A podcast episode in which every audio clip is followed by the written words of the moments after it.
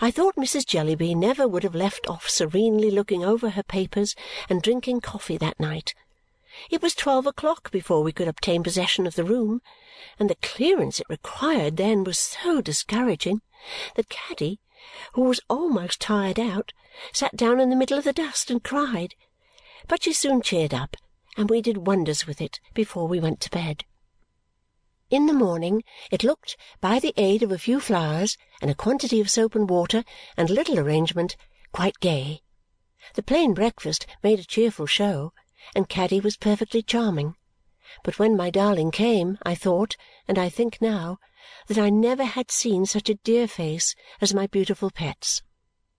We made a little feast for the children upstairs, and we put Peepy at the head of the table, and we showed them Caddy in her bridal dress and they clapped their hands and hurrahed, and Caddy cried to think that she was going away from them, and hugged them over and over again until we brought Prince up to fetch her away, when, I am sorry to say, Peepy bit him. Then there was old Mr. Turveydrop downstairs, in a state of deportment not to be expressed, benignly blessing Caddy and giving my guardian to understand that his son's happiness was his own parental work and that he sacrificed personal considerations to ensure it. "My dear sir," said Mr. Turveydrop, "these young people will live with me. My house is large enough for their accommodation, and they shall not want the shelter of my roof. I could have wished you will understand the allusion, Mr. Jarndyce, for you remember my illustrious patron, the Prince Regent I could have wished that my son had married into a family where there was more deportment. But the will of heaven be done!"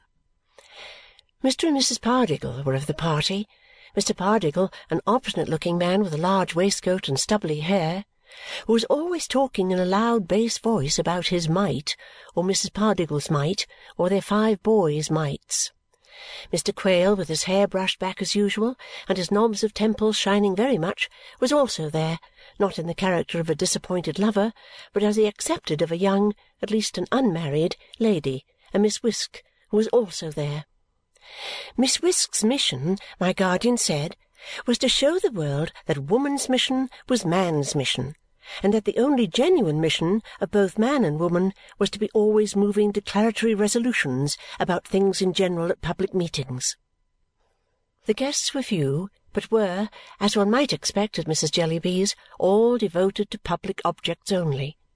Besides those I have mentioned, there was an extremely dirty lady, with her bonnet all awry and the ticketed price of her dress still sticking on it, whose neglected home, Caddy told me, was like a filthy wilderness, but whose church was like a fancy fair. A very contentious gentleman who said it was his mission to be everybody's brother, but who appeared to be on terms of coolness with the whole of his large family, completed the party. A party having less in common with such an occasion could hardly have been got together by any ingenuity. Such a mean mission as the domestic mission was the very last thing to be endured among them. Indeed, Miss Wisk informed us with great indignation before we sat down to breakfast that the idea of woman's mission lying chiefly in the narrow sphere of home was an outrageous slander on the part of her tyrant, man. One other singularity was that nobody with a mission, except Mr. Quale, whose mission, as I think I have formerly said, was to be in ecstasies with everybody's mission, cared at all for anybody's mission. Mrs. Pardiggle, being as clear that the only one infallible course was her course of pouncing upon the poor and applying benevolence to them like a strait waistcoat, as Miss Wisk was that the only practical thing for the world was the emancipation of woman from the thraldom of her tyrant man, Mrs. Jellyby all the while sat smiling at the limited vision that could see anything but Borrioboola Gha. But I am anticipating now the purport of our conversation on the ride home instead of first marrying Caddy. We all went to church, and Mr. Jellyby gave her away. Of the air with which old Mr. Turveydrop, with his hat under his left arm, the inside presented at the clergyman like a cannon, and his eyes creasing themselves up into his wig, stood stiff and high-shouldered behind us bridesmaids during the ceremony, and afterwards saluted us I could never say enough to do it justice. Miss Wisk, whom I cannot report as prepossessing in appearance and whose manner was grim, listened to the proceedings as part of woman's wrongs, with a disdainful face. Mrs. Jellyby, with her calm smile and her bright eyes, looked the least concerned of all the company. We duly came back to breakfast, and Mrs. Jellyby sat at the head of the table and Mr. Jellyby at the foot. Caddy had previously stolen upstairs to hug the children again and tell them that her name was Turveydrop but this piece of information, instead of being an agreeable surprise to Peepy, threw him on his back in such transports of kicking grief that I could do nothing on being sent for but accede to the proposal that he should be admitted to the breakfast table. So he came down and sat in my lap, and Mrs. Jellyby, after saying in reference to the state of his pinafore, "Oh, you naughty Peepy, what a shocking little pig you are!" was not at all discomposed. He was very good, except that he brought down Noah with him, out of an ark I had given him before we went to church, and would dip him head first into the wine glasses and then put him in his mouth. My guardian, with his sweet temper and his quick perception and his amiable face, made something agreeable even out of the ungenial company. None of them seemed able to talk about anything but his or her own one subject and none of them seemed able to talk about even that as part of a world in which there was anything else. But my guardian turned it all to the merry encouragement of Caddy and the honour of the occasion and brought us through the breakfast nobly. What we should have done without him I am afraid to think, for all the company despising the bride and bridegroom and old Mr. Turveydrop and old Mr. Turveydrop, in virtue of his deportment, considering himself vastly superior to all the company, it was a very unpromising case. At last the time came when poor Caddy was to go, and when all her property was packed on the hired coach and pair that was to take her and her husband to Gravesend. It affected us to see Caddy clinging then to her deplorable home and hanging on to her mother's neck with the greatest tenderness. "I'm I'm very sorry I couldn't go on writing from dictation, Ma," sobbed Caddy. "I hope you forgive me now." "Oh, Caddy, Caddy!" said Mrs. Jellyby. "I've told you over and over again that I have engaged a boy, and there's an end of it." "You are sure you are not in the least angry with me, Ma? Say you are sure before I go away, Ma." "You foolish Caddy," returned Mrs. Jellyby. "Do I look angry? Or have any inclination to be angry, or time to be angry?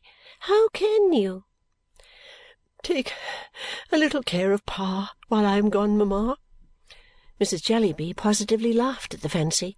"You romantic child!" said she, lightly patting Caddy's back. "Go along. I am excellent friends with you. Now good-bye, Caddy, and be very happy." Then Caddy hung upon her father and nursed his cheek against hers as if he were some poor dull child in pain. All this took place in the hall. Her father released her, took out his pocket-handkerchief, and sat down on the stairs with his head against the wall. I hope he found some consolation in walls. I almost think he did. And then Prince took her arm in his and turned with great emotion and respect to his father, whose deportment at that moment was overwhelming. "Thank you over and over again, father," said Prince, kissing his hand.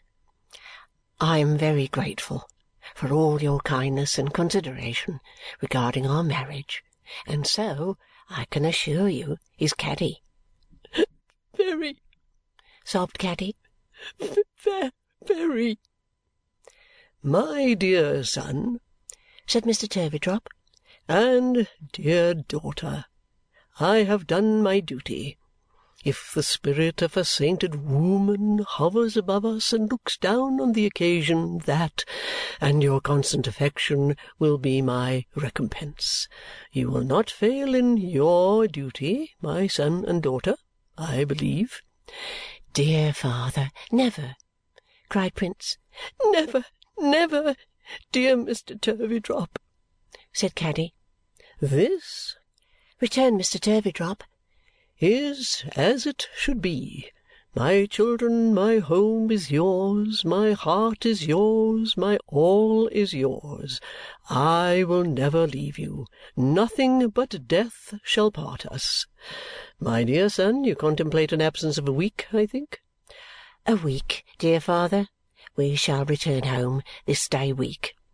My dear child, said Mr. Turveydrop, let me, even under the present exceptional circumstances, recommend strict punctuality.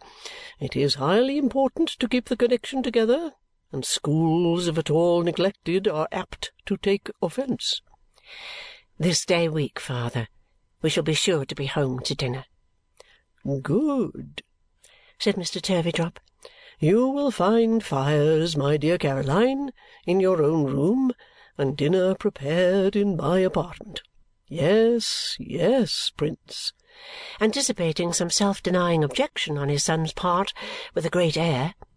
"You and our Caroline will be strange in the upper part of the premises and will, therefore, dine that day in my apartment. Now, bless ye!" They drove away, and whether I wondered most at Mrs. Jellyby or at Mr. Turveydrop I did not know. Ada and my guardian were in the same condition when we came to talk it over. But before we drove away too, I received a most unexpected and eloquent compliment from Mr. Jellyby.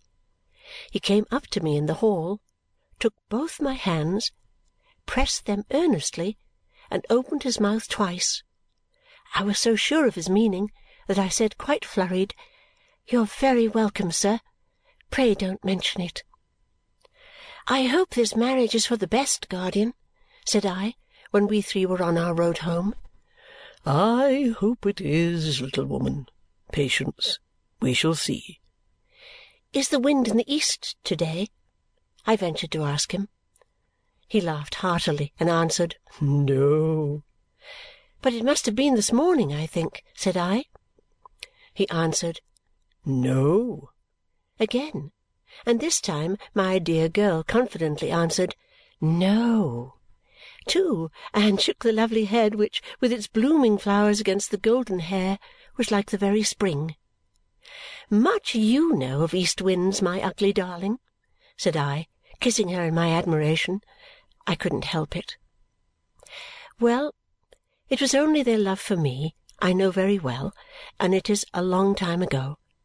I must write it even if I rub it out again, because it gives me so much pleasure. They said there could be no east wind where somebody was. They said that wherever Dame Durden went, there was sunshine and summer air.